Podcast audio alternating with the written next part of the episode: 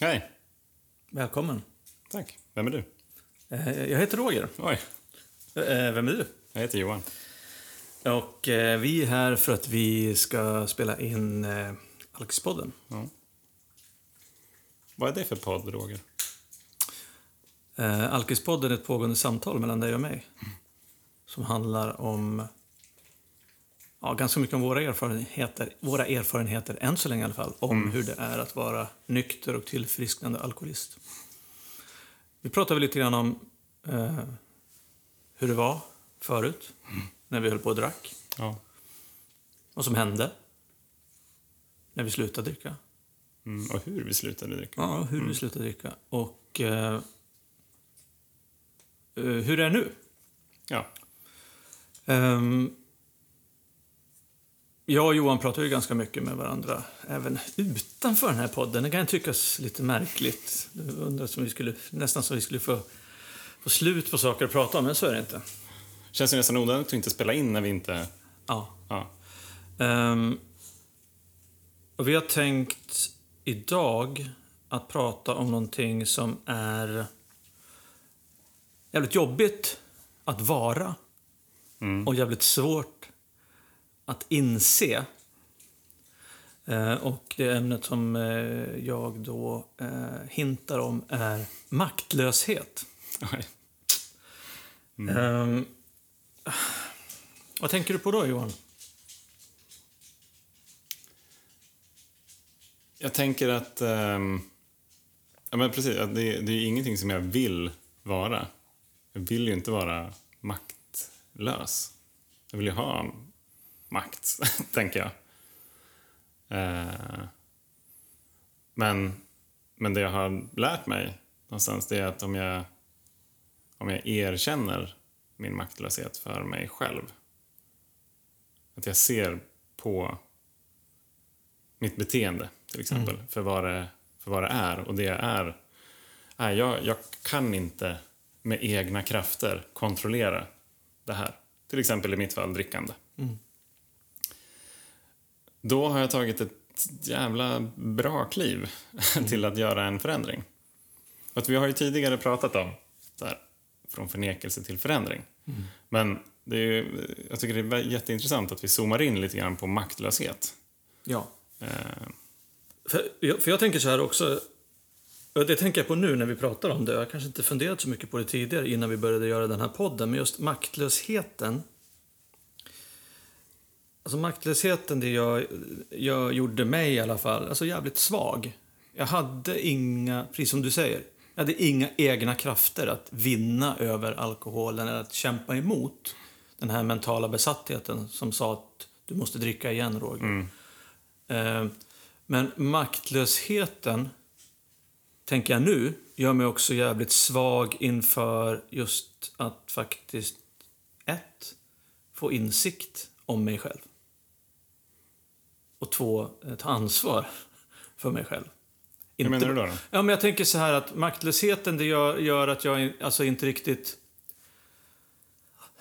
Jag kanske inte orkar eller kan se att jag har så pass allvarliga problem.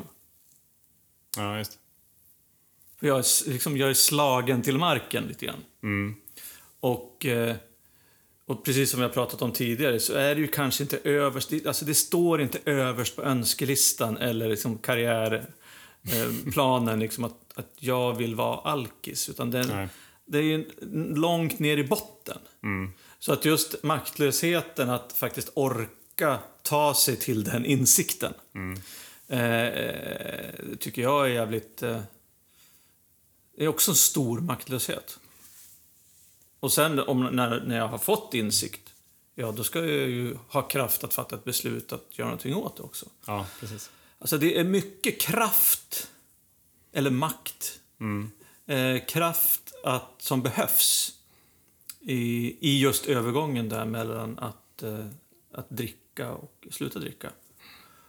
Och många, jag tänker så här att jag tror att det är väldigt, väldigt många, men jag tror att det är ganska många människor som är maktlösa inför, eller, inför alkoholen. De inte riktigt har egen kraft att, eh, att göra någonting åt det. eller att hantera det. Kontrollera. Ja, kontrollera eller, eller att eh, ehm, ja, men sluta, till exempel. Mm. För att- För att det är ett väldigt... Det är ju liksom ett, ett livsavgörande beslut som, som inte liksom är det beslutet som ligger en närmast till hand när man är där och är besatt, känslomässigt liksom sjuk. Jag menar, om, om jag är beroende av alkohol, Ja. vilket det innebär, Ja. så är det ju det sista jag beslutar med. Ja. Såklart. Och det är därför också, tänker jag, som, som beslutet kan ju kännas så jävla stort. Att sluta dricka för resten av livet. Och så här. Men då har vi lärt oss att så här, okej, du behöver inte ta det beslutet för resten av livet, men du kan vara, besluta dig för att vara nykter idag. ja. Och så tar du en dag i taget.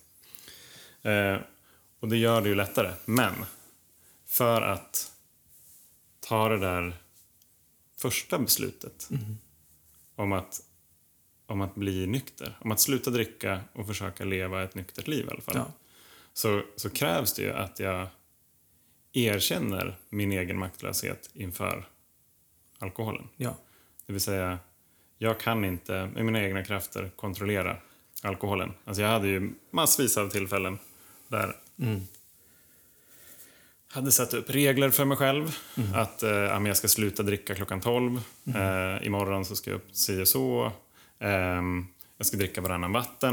Mm. Jag ska bara dricka öl. Eh, jag, får, eh, jag får inte dricka, jag får inte dricka eh, själv eh, någon gång.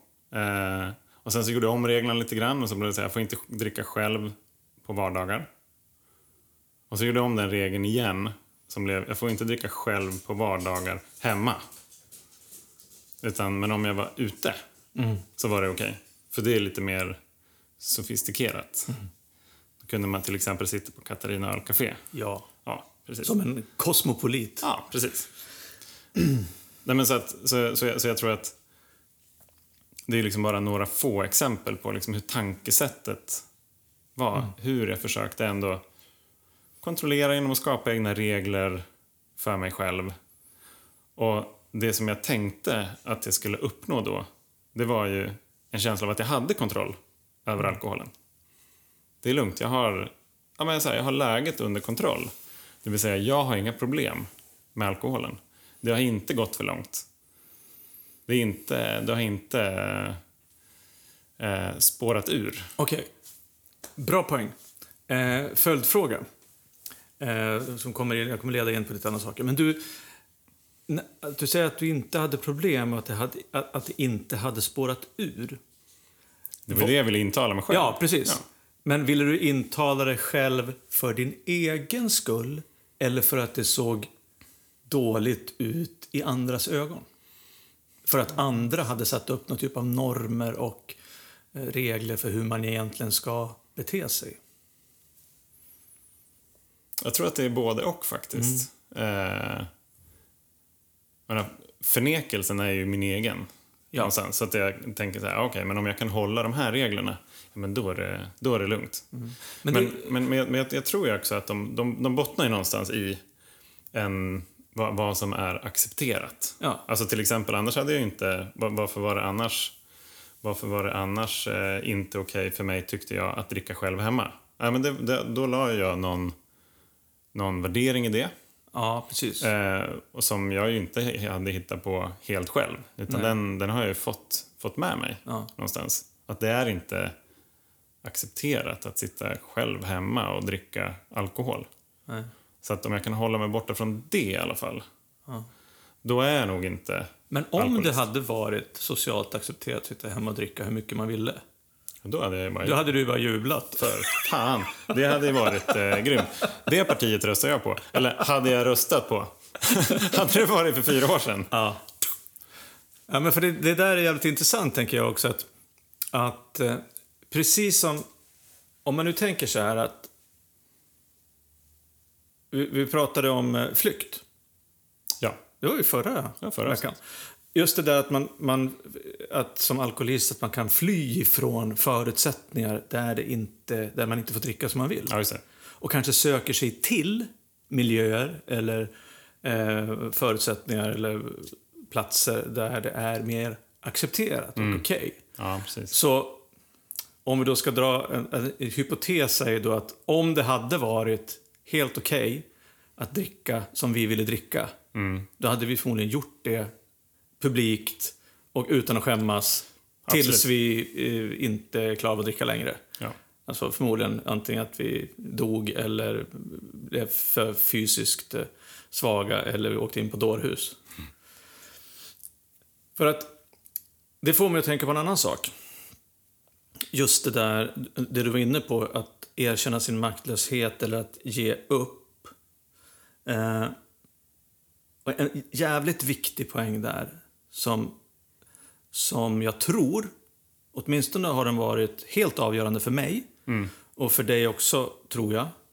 Det är just det där, det du var inne på, att erkänna sin maktlöshet inför sig själv. Ja. För att så länge jag inte klarar av att vara nykter för min egen skull så kommer det vara jävligt svårt. Ja. Alltså det, det finns så många exempel i mitt liv på människor, familj, barn som har bett mig att sluta dricka. Liksom. Eller dricka mindre. Och jag klarade inte av det. Jag klarade inte av att göra det för deras skull. ja.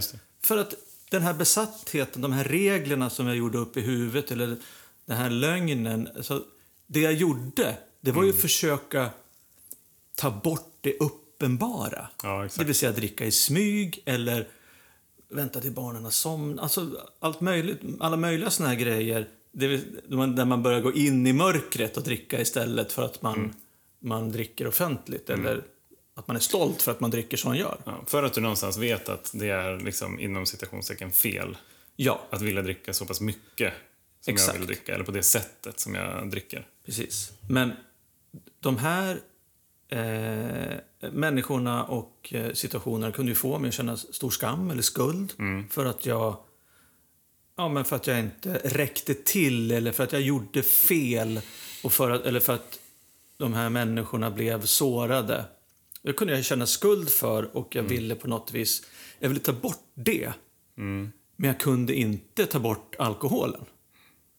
Så därför så, så, så var det ju egentligen inte förrän jag erkände för mig själv att jag är alkoholist. Jag är maktlös inför alkoholen. Jag kan inte hantera mitt liv. Det var ju först då som jag alltså, blev nykter på riktigt kan man Ja, säga. precis. Där jag, och sen hittade då sätt att hantera den här maktlösheten. Att lära mig att inte vara maktlös eller att eh, få hjälp av eh, ja, andra att, att ta kontroll över eller, eller hantera mitt liv helt enkelt. Så den här maktlösheten är just för en alkoholist att sluta dricka är jävligt viktig. Men som vi, som vi sa också, jag tror också att, jag tror att många är maktlöshet, maktlösa eh, under eh, kortare eller längre tid. Eh, och några av oss maktlösa lyckas också erkänna för oss själva att vi är maktlösa och vill göra någonting åt saken. Det är väldigt mycket skam alltså, att vara maktlös inför någonting. För att det är också väldigt hyllat, tänker jag, att ha kontroll i samhället. Man vill inte vara en belastning. Du, jag menar, det är ju... Vem, vem vill vara... Ja, men som vi har sagt förut, vem vill vara alkis? Det var ju inte det som var högst upp på listan. Liksom. Men jag, så här, jag är en person som inte kan... Har ingen kontroll alls när jag börjar dricka. När jag, börjar, när jag väl börjar så kan jag inte sluta. Nej. Det är ju inget CV-godis direkt. Men en, en sak som jag tänker på, som jag är osäker på om jag har nämnt, men jag gör det igen i så fall, det är att jag, eh, jag var... Jag åkte till London efter gymnasiet med några kompisar. Och så var vi där och eh, jobbade på pubbar i, i London. Ref, eh, att man flyr till ställen där det är okej att dricka som jag vill. Och också i själva så här, hela sammanhanget, att vara 19-20 år, bo i London och leva liksom det, det livet någonstans. Och så här, ja, det är klart, det var liksom... Det var, det, jag, jag hade inga konstigheter med att liksom förklara för mig själv, eller någon annan för den delen, att det var en jävla massa fest. Nej, det kändes, det kändes okej. Okay. Men efter ett tag av det där, typ en sex, sju månader, så började mitt mående bli så jävla dåligt. Jag blev så deprimerad av att dricka så mycket som jag drack. Mm. Alltså det var i princip, det var... Jag har svårt att tro att det inte skulle vara varje dag. Mm. Eh, för jobbet på puben eller liksom på lunchen eller, och sen varje kväll liksom efter jobbet. Mm. Så, eh, så att då, då slutade jag liksom att, att dricka där i samband med, jag åkte hem också från London, hem till, eh, hem till Sundsvall och sådär. Och den storyn som jag byggde då för mig själv, det var så här, ah, men jag, ska, jag ska fokusera på studier. Mm.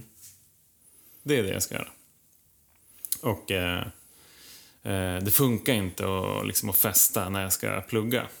Ja, så att jag hade någonstans kommit fram till att jag kan inte fortsätta dricka som jag gör. Jag kände någonstans att jag var maktlös, men jag slutade.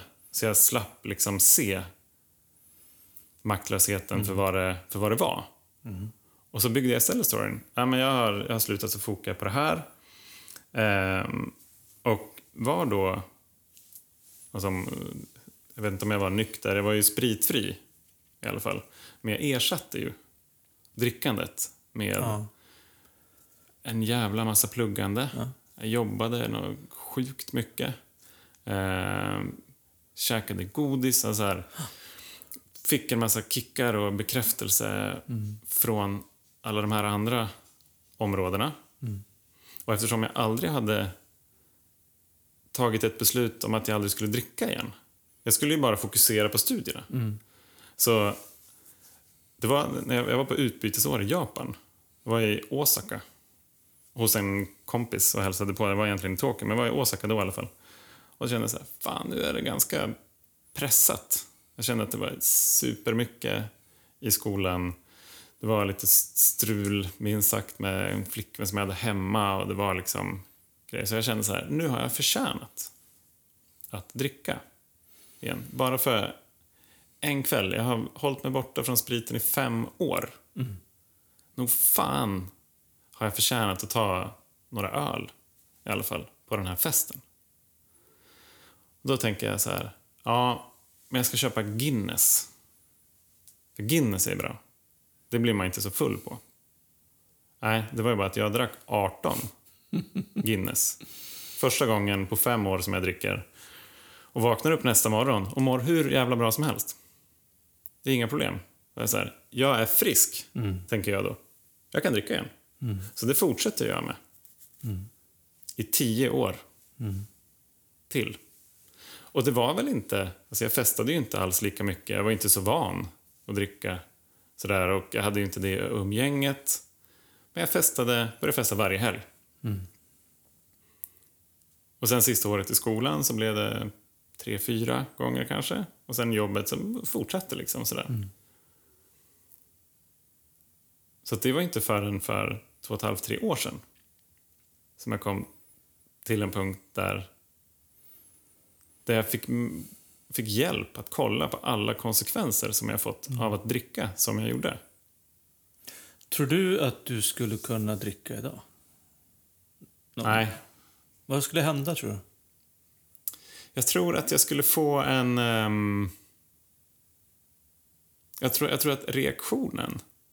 Den skulle, den skulle känna någonting välbekant. Alltså jag, jag, kan liksom, jag kan påminnas om hur det var Första gången efter fem år. Det var inte så länge sedan du var full senast. Det är bara snart tre år sedan. Ja, precis. Ja, du har ju massvis av år här.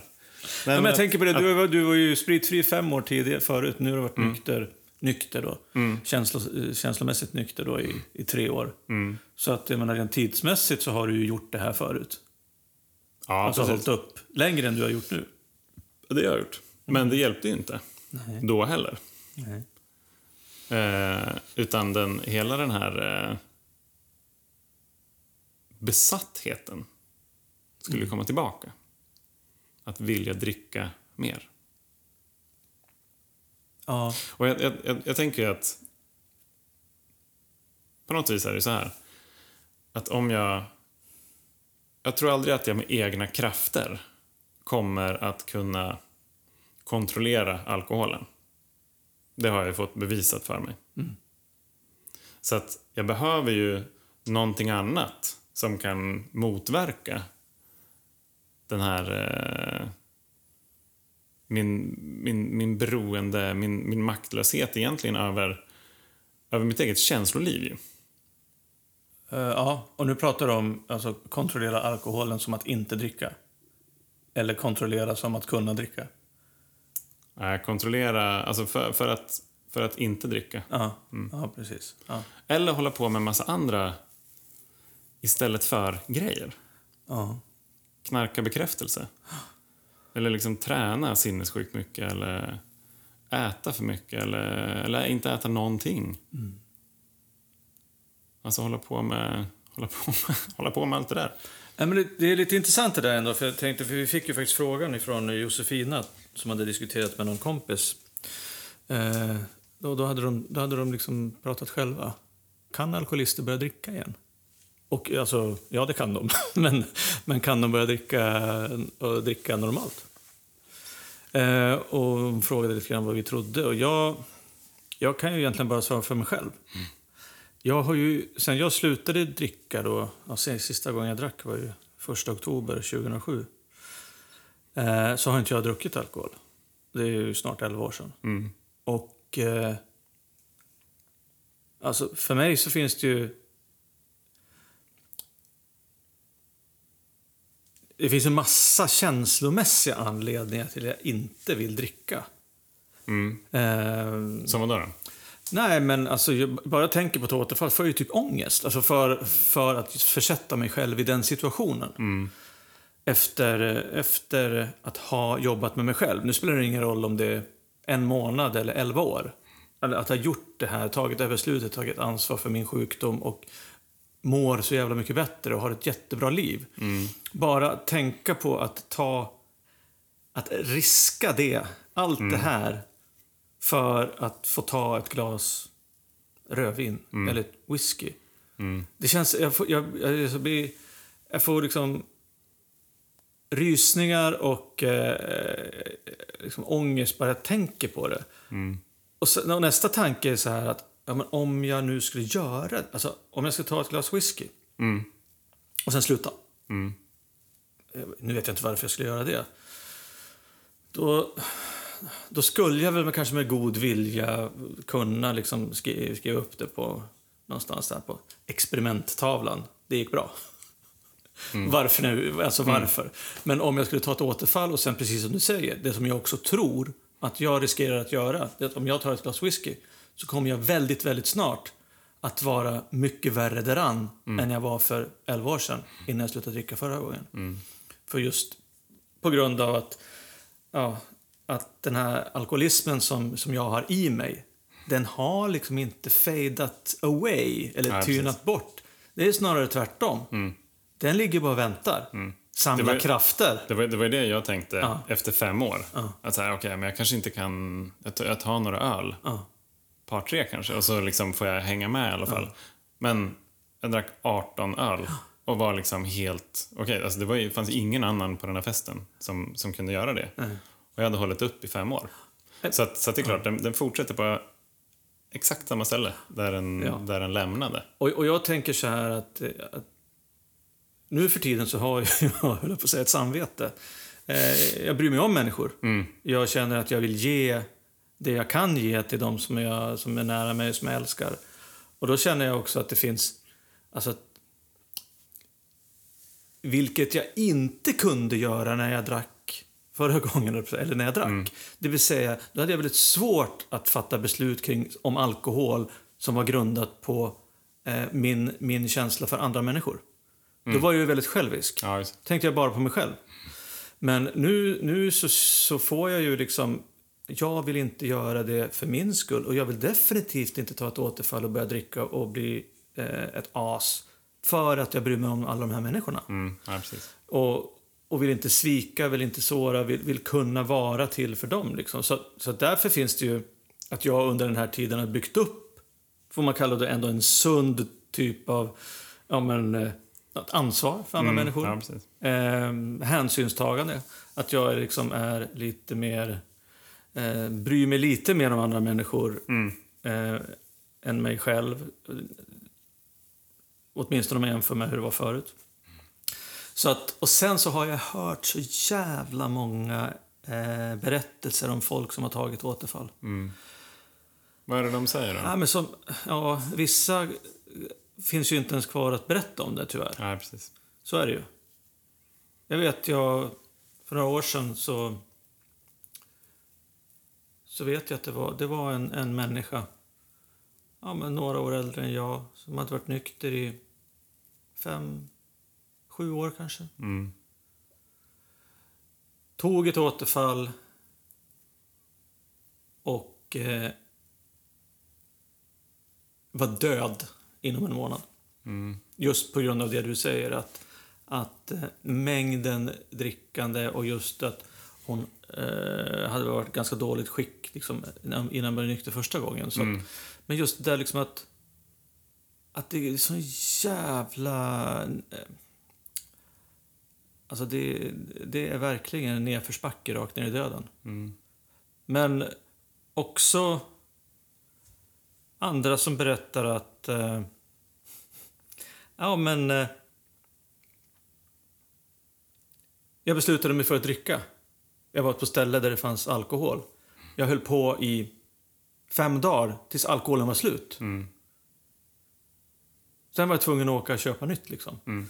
Just det där att det finns... Det Inte du alltså, det här var någon som du hörde. ja, något som jag hörde. Ja, men det, det är väl en grej som jag har funderat på. Det, jag tänker på två saker. Dels så kan jag också tänka tillbaka till mina vita månader. Eh, som ju inte var speciellt vita. Ja. Egentligen inte på slutet i alla fall. Det är inte riktigt... Eller det, det kanske är en del av poängen. Men en annan del av poängen är att under de dagarna som jag inte drack så tänkte jag ju bara hela tiden på att jag inte fick dricka. Ja, För att det var Sober October. ja.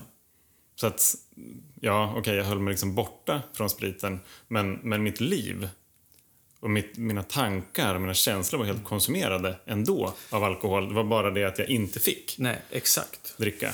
Och det enda jag kunde tänka på var när jag fick dricka igen. Precis. Och det, När, när får jag ta det där undantaget, Ja. som blev åtta stycken sista Sober October?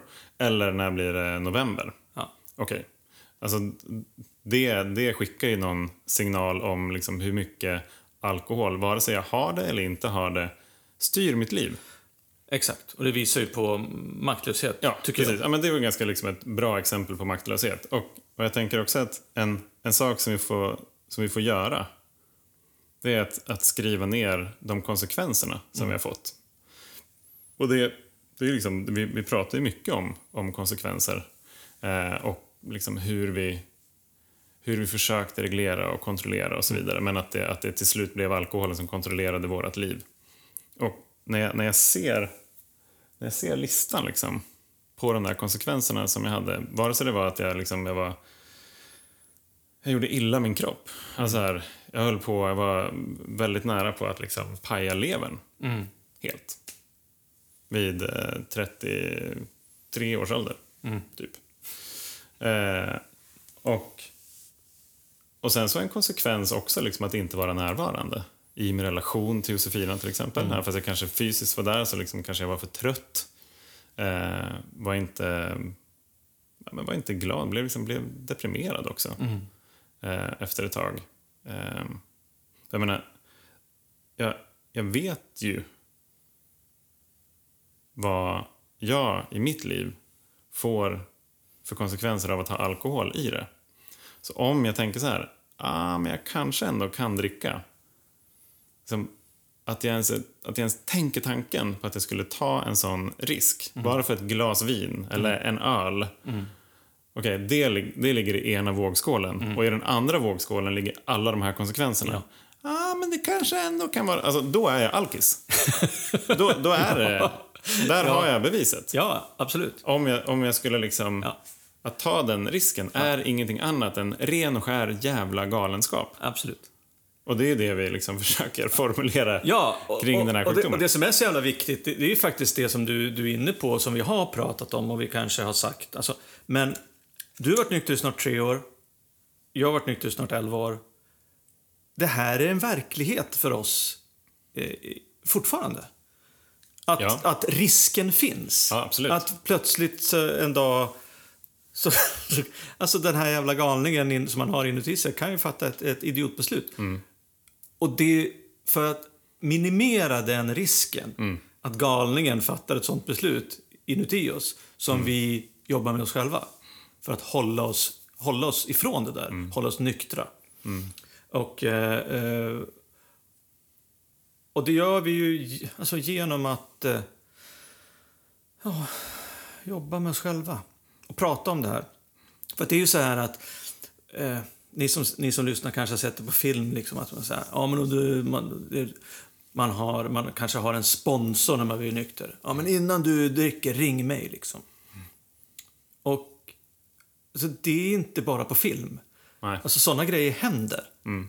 Att, eh, att vi nyktra alkoholister kan hjälpa varandra eller får samtal som säger att nu, nu är jag på väg att börja dricka igen. Mm. Eh, vad ska jag göra? Hjälp mig, hjälp mig, hjälp mig. Liksom. Ehm, Det, är- Och- det är lite, lite grann som så här in case of emergency-nummer. ja, ja. Att Precis. ringa. Precis, liksom samma. Nej, men för, för, Ja, för exakt. ha det i sina familjer och sådär. Så Ja. kan vara liksom... Men... ehm,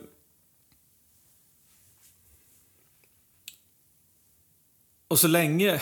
Eller jag tänker så här, så länge jag försöker tänka på mig själv, liksom var, var är jag någonstans på den här skalan? Mm. Helt lycklig och obekymrad eller nära återfallet. Mm. Så är väl, det väger väl över ganska mycket åt jävligt lycklig och obekymrad just nu. Men om inte jag, om jag slutar att ta hand om den här sjukdomen eller mitt tillfrisknande, Mm. då så är ju risken ganska stor att jag ganska snabbt åker över åt andra änden. Liksom. Mm. Eh, att jag börjar må dåligt, jag börjar bete mig illa. Kanske tycker livet är skit plötsligt, någonting händer och sen så sitter jag där med, med alkoholen igen. Och det är ju också just den där att ett tecken på att man är alkoholist, att man faktiskt, även fast man är nykter så kan det komma tankar på kanske ändå. Ja, precis. Kanske eller, ändå. Ja, eller att eh, man plötsligt, även fast man mår bra, man slutar det man ska göra det man ska göra, så efter ett tag så finns risken igen. Mm. Så därför är ju vi, vi har ju liksom ett, vi har ju också ett safety net Mm. i varandra. Ja, absolut. Alltså vi, vi försöker, vi försöker hålla koll på varandra lite grann. Hur, hur är det liksom? Känner du det? Det är inte bara så att det är inte alltid jag som ringer och säger nu mår jag så här eller nu är det här hänt. Utan jag får frågor liksom. Hur är det? Mm. Jag har inte hört av dig på några dagar eller du har inte varit på möte eller lite sådana här saker. Så att då, då tar vi hand om varandra, vi som är nyktra alkisar. Mm. Och det är ju... Det är ju liksom den, den eh, kraften som finns utanför mig Mm. som gör att jag eh, inte är maktlös längre. Nej, precis. Eftersom du inte är själv. Eftersom jag inte själv är. Ja, exakt. Och jag tror att det, det, det finns en jättekraft och styrka i att erkänna sin maktlöshet inför alkoholen. Det är liksom där den kommer. Exakt. Och jag tror att alltså, alla som jag har träffat och känner i, i nykterheten som har en, en längre, liksom, en stabil nykterhet någonstans, har alla det gemensamt. Mm. Att de har ett grundmurat erkännande för sig själva att de är maktlösa. Ja, ett äkta, Ja, ja, genuint, precis. eh, villkorslöst Mm. erkännande. Ja, precis. Det är svårt att vara lite, eller man kanske kan vara lite maktlös, men inte i det här fallet. Nej. Nej, är det liksom total maktlöshet. Ja. inför det. Och så som jag fick beskrivet det för mig under terapin var det så här att men ser, det, ser det ungefär som att du har någonting att ta spjärn emot. Alltså det, nu känns det som att du, liksom du faller i princip. Bang! Men där når du botten. Så att nå sin botten Exakt. Eh, och att från den kunna ta spjärn och liksom leta sig själv uppåt. Börja ta de här liksom stegen upp för trappan. Göra, göra det jag ska eller det, det, liksom, det, jag, det jag får till mig och det jag lär mig att jag ska göra. Men utan den där botten så kommer du inte uppåt. Nej. Jättebra, eh, jättebra beskrivet. Och jag, jag satt precis och tänkte på det eh, när vi pratade om det med maktlösheten. Att, att insikten att jag är maktlös och viljan att göra någonting åt det kommer ju först när jag har slagit i min botten. Ja, precis. Och i mitt fall så, så såg det ut som det gjorde. Mm. Jag var färdig. Jag var nedslagen då, när jag slutade, mm. oktober 2007.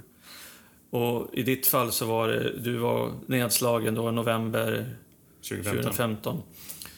Eh, för andra så ser det liksom olika ut. Ja. De kan behöva sluta och börja tillfriskna en eller två eller tre eller fyra gånger mm. med eh, mellanliggande återfall för att liksom dunka i botten mm. ordentligt. Komma till den slutliga botten. Ja. Liksom. Mm, exakt.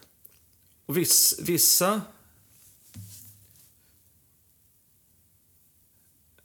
Alltså vissa, för vissa människor så, så, så är den där botten någonstans så långt ner mm. att de hinner förlora liksom allting ja, innan de kommer dit. Till och med ja, det ultimata förlusten, liksom livet. Ja. I en del fall också. Ja, exakt. Och, och, det är ju det som, som är så jävla svårt med den här sjukdomen. Att om andra människor tycker att en alkoholist dricker för mycket. Mm. Ja, men nu dricker du för mycket, nu har du ställt till med det där och det där och det där. Om de, den konsekvensnivåerna liksom inte är i balans, för att alkoholisten tycker inte att det var tillräckligt farligt. Nej, precis. Eller tillräckligt eh, svåra konsekvenser. Så, så kommer alkoholisten att fortsätta. Mm. Tills konsekvenserna blir tillräckligt stora så att det är värt att göra den här förändringen. Ja. Exakt. Såg en, eh, en doku dokumentär på SVT, tror jag. Jag vet fan om den finns kvar. Vad heter den?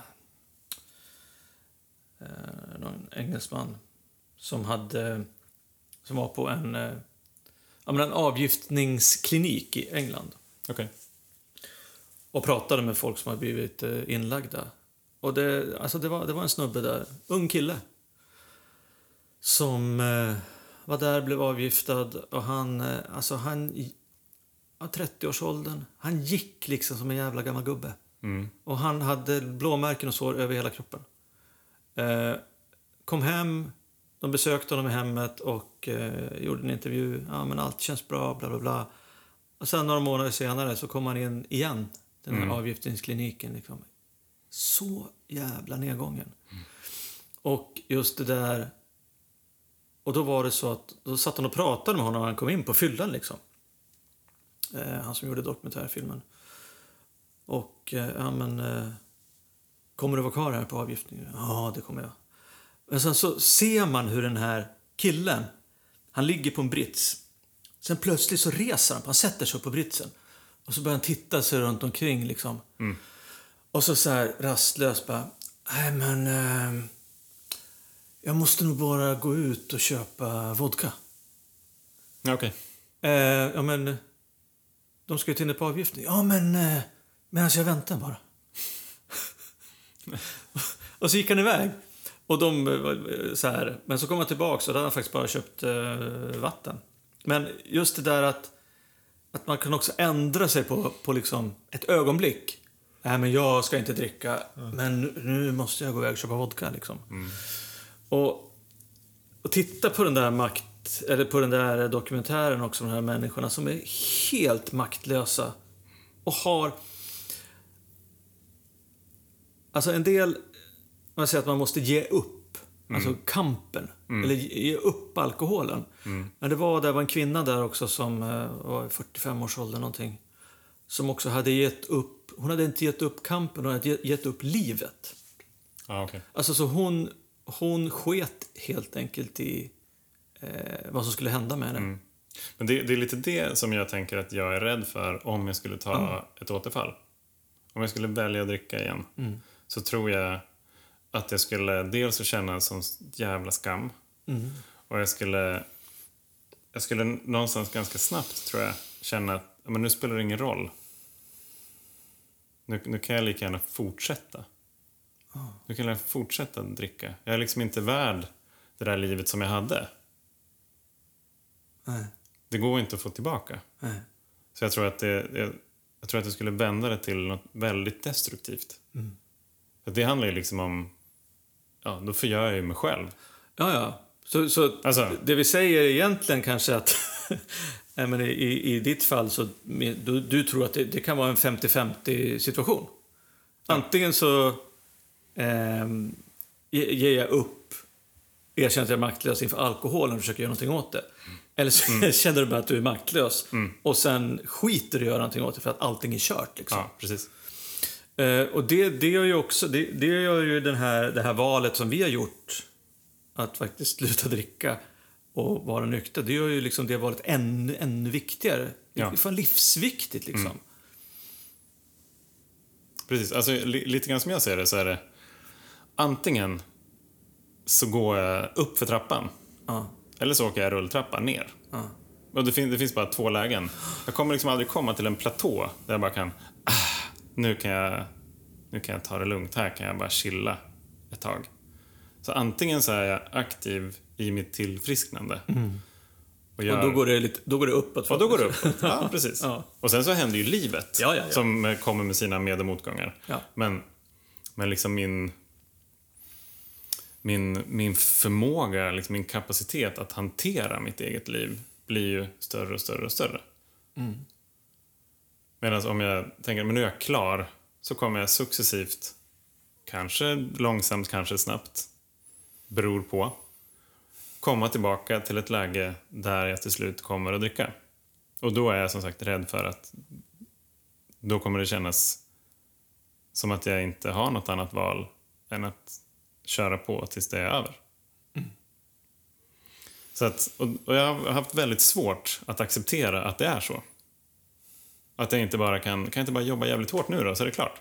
Nej, det, det, det går inte. Alltså fortfarande, än idag. Jag, jag tänker på det här flera gånger i veckan. Jag börjar komma till liksom ett... Just, just nu så är jag, ja, okej, det får väl vara så då. Då är väl kanske utvecklingen det som är livet. Inte att jag ska liksom ta mig till ett ställe och sen ska jag börja leva. Utan att det här som vi gör, att vi lär oss hela tiden, det är kanske det som är livet. Att det som är ett... För mig är det ett nyktert liv. Ja. Eh, tack Johan. Fan, alltså det... Eh, jag är så jävla tacksam för att vi får ha de här samtalen. För att det, det, jag tänker på att få möjligheten att prata om såna här saker som faktiskt är alltså, på riktigt livsviktiga. Ja, Både för dig och mig, att vi kan hjälpa varandra. Men även att, att få liksom dela med oss av tankar och åsikter och erfarenheter kanske framför allt. Om hur det kanske kan vara att Ja. vara alkoholist. Till människor som lyssnar. Eh, människor som inte är alkoholister men som kanske vill, kan få en liten insyn, en liten... Eh, en liten titt in i galenskapen. Ja, en liten titt in i galenskapen och just det där att det faktiskt eh, är... Alltså det som är så sjukt, den maktlösheten. Alltså, du pratar ju nu, det som, det som du sa på, innan här nu, att, eh, att eh, fastän det är så ett livsviktigt beslut, liksom att, att vara nykter, så är det så svårt att erkänna att man är maktlös inför alkoholen. Så det är ju Ja, men beroende på vart man är i trappan eller i rulltrappan så är det ju liksom, det är en fråga liksom om, om liv eller död. S- Förr eller senare. Ja, Vi lär ju alla dö någon gång, men... men eh, och jag tänker också på att... eh, det är så jävla härligt. Jag, jag, jag gillar verkligen att ha de här diskussionerna. För att eh, när, vi, när vi började prata om maktlöshet så... Ja, vi hade väl någon liten outline om att ja, men vi pratar om maktlöshet för att det är ju, det är ju jätteviktigt. Eh, ja. Eh, ja. Sen börjar vi spela in. Ja, sen började vi spela in. Ehm, så det är ju en maktlöshet över att man inte vet vad som ska komma, men det är bara en ganska skön maktlöshet. Det, det gör ju inte så mycket. Släpp taget. Precis. Släppt taget. Det är kanske det vi ska prata om nästa Ja, gång. kanske det så. Jag ville bara säga en grej också. Vi, det, alltså det, det här snacket som vi har haft nu har ju nästan enbart handlat om maktlöshet inför alkoholen. Och varför är det så, undrar ni? Jo, det är ju för att det är det som vi kan. Ja. Och det är det som vi, vi, vi med faktiskt raka ryggar och klara blickar, Kan dela erfarenheter schysst andedräkt kan dela erfarenheter om. Eh, Det finns ju maktlöshet inför en massa andra saker här i livet, men eh, vi är nog inte riktigt beskaffade att eh, prata om de sakerna. Ehm, ja, Så är det.